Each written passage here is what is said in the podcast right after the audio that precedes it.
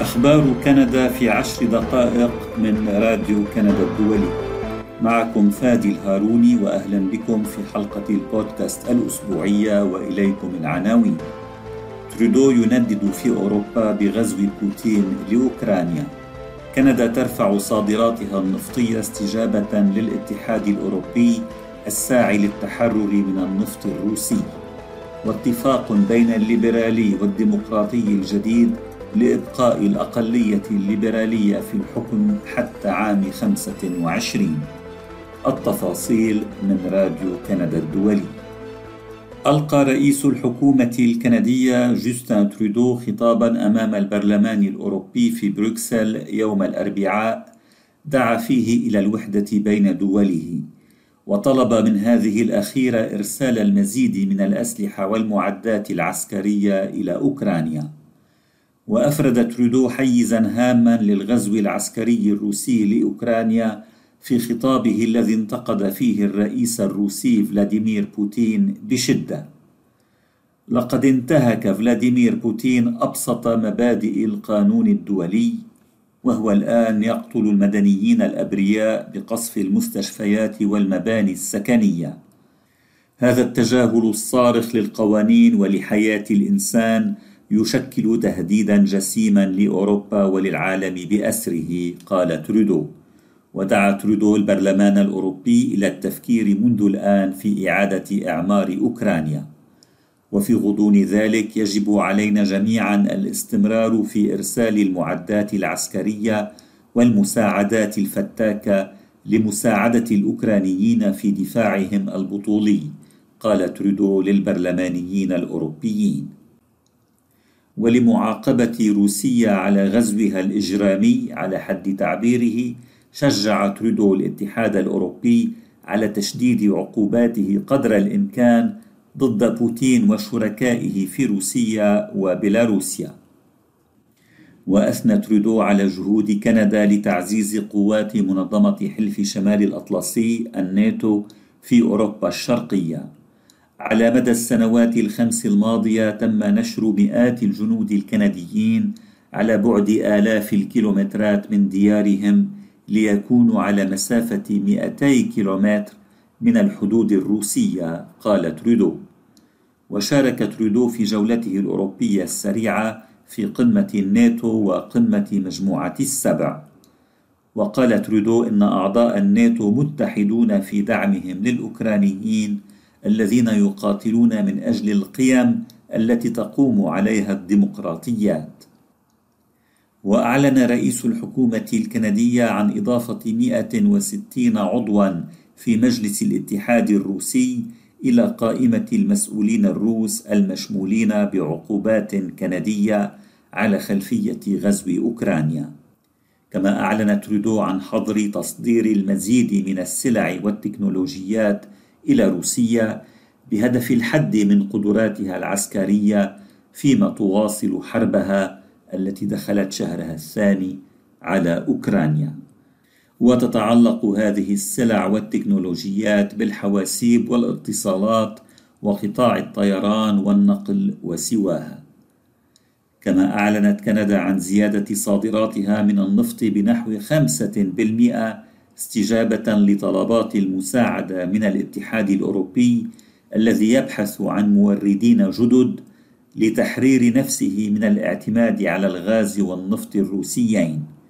وكندا هي رابع أكبر بلد منتج للنفط في العالم بعد الولايات المتحدة وروسيا والمملكة السعودية على التوالي.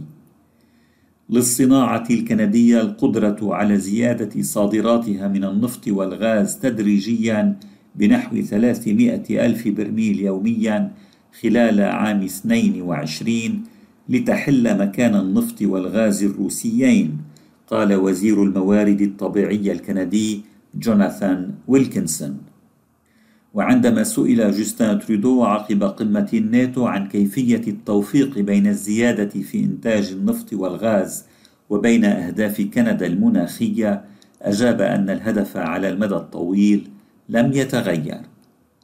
الشراكة التي نخطط لبنائها مع الاتحاد الأوروبي بشأن قضايا مثل الهيدروجين والطاقات المتجددة واعدة للغاية لأنها ستسمح للعالم ليس فقط بالتخلص من النفط والغاز الروسيين ولكن أيضا بإزالة الكربون من قطاع الطاقة لدينا بشكل كامل قال ترودو ومن ناحية أخرى أكد رئيس الحكومة الفيدرالية أن الاستثمار في القوات المسلحة الكندية سيستمر في الارتفاع لكنه لم يحدد مبلغا معينا. وتتعرض كندا لضغوط من حلف الناتو لزيادة إنفاقها العسكري. فبميزانية دفاعية تمثل حاليا 1.4%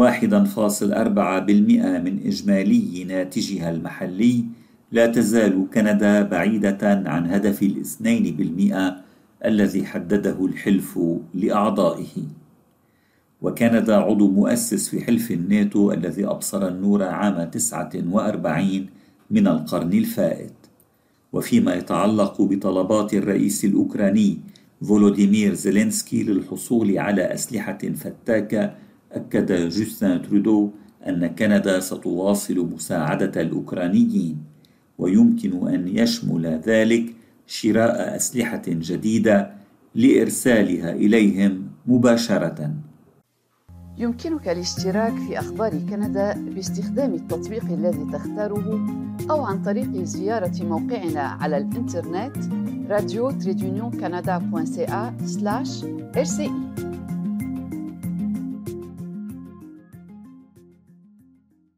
أكد رئيس حكومة الأقلية الليبرالية جوستين ترودو وزعيم الحزب الديمقراطي الجديد جاغميت سينغ حصول اتفاق بين حزبيهما يتيح للحكومة البقاء في السلطة حتى عام 25 أي حتى نهاية ولايتها. وأشار ترودو إلى حالة عدم اليقين المتصلة بجائحة كوفيد 19 وإلى التضخم في الأسعار والحرب في أوكرانيا في معرض ذكره دوافع إبرام اتفاق الدعم والثقة بين الحزبين الذي دخل حيز التنفيذ يوم الثلاثاء. لقد فكرت في الأمر كثيرا ولم يكن القرار سهلا، أضاف الزعيم الليبرالي الذي فاز بحكومة أقلية ثانية على التوالي في الانتخابات الفيدرالية العامة الأخيرة في أيلول سبتمبر الفائت. وأضاف ترودو أن حزبه والحزب الديمقراطي الجديد حددا السياسات التي تتشابه أهدافهما بشأنها ومن أبرزها تحسين الحصول على الرعاية الصحية وإطلاق نظام شامل للرعاية الصيدلية وإنشاء نظام خدمات طب أسنان للكنديين من ذوي الدخل المحدود واعتماد تدابير لتيسير الحصول على سكن. وبموجب الاتفاق يدعم الحزب الديمقراطي الجديد اليساري التوجه الحزب الليبرالي في كل تصويت على الثقة بالحكومة. بما في ذلك التصويت على الميزانيات الأربع المقبلة. والاتفاق بين الحزبين ليس ائتلافيا ما يعني أن الحزب الديمقراطي الجديد لن يدخل إلى الحكومة وبالتالي لن يقود أي وزارة. لكن خطط الرعاية الصيدلية ورعاية الأسنان هي أولويات تشريعية للحزب الديمقراطي الجديد وسيكون الحزب بالتالي قادرا على دفع هذه الملفات قدما مقابل دعمه الحكومة الليبرالية في التصويت على الثقة. ونفى جاغميت سينغ أن يكون حزبه منح الحكومة الليبرالية تفويضا مطلقا بموجب هذا الاتفاق. نحتفظ بإمكانية معارضة الحكومة والتصويت ضد مشاريع القوانين ونحن على استعداد لاستخدام هذه الصلاحية أكد سينغ. وأضاف سينغ أنه استخدم سلطته لضمان حصول الكنديين على رعاية الأسنان والأدوية التي يحتاجون إليها. في هذه الأوقات الصعبة يخبرني الناس أنهم بحاجة إلى المساعدة الآن قال سينغ. حلقة البودكاست لهذا الأسبوع انتهت. شكرا لإصغائكم.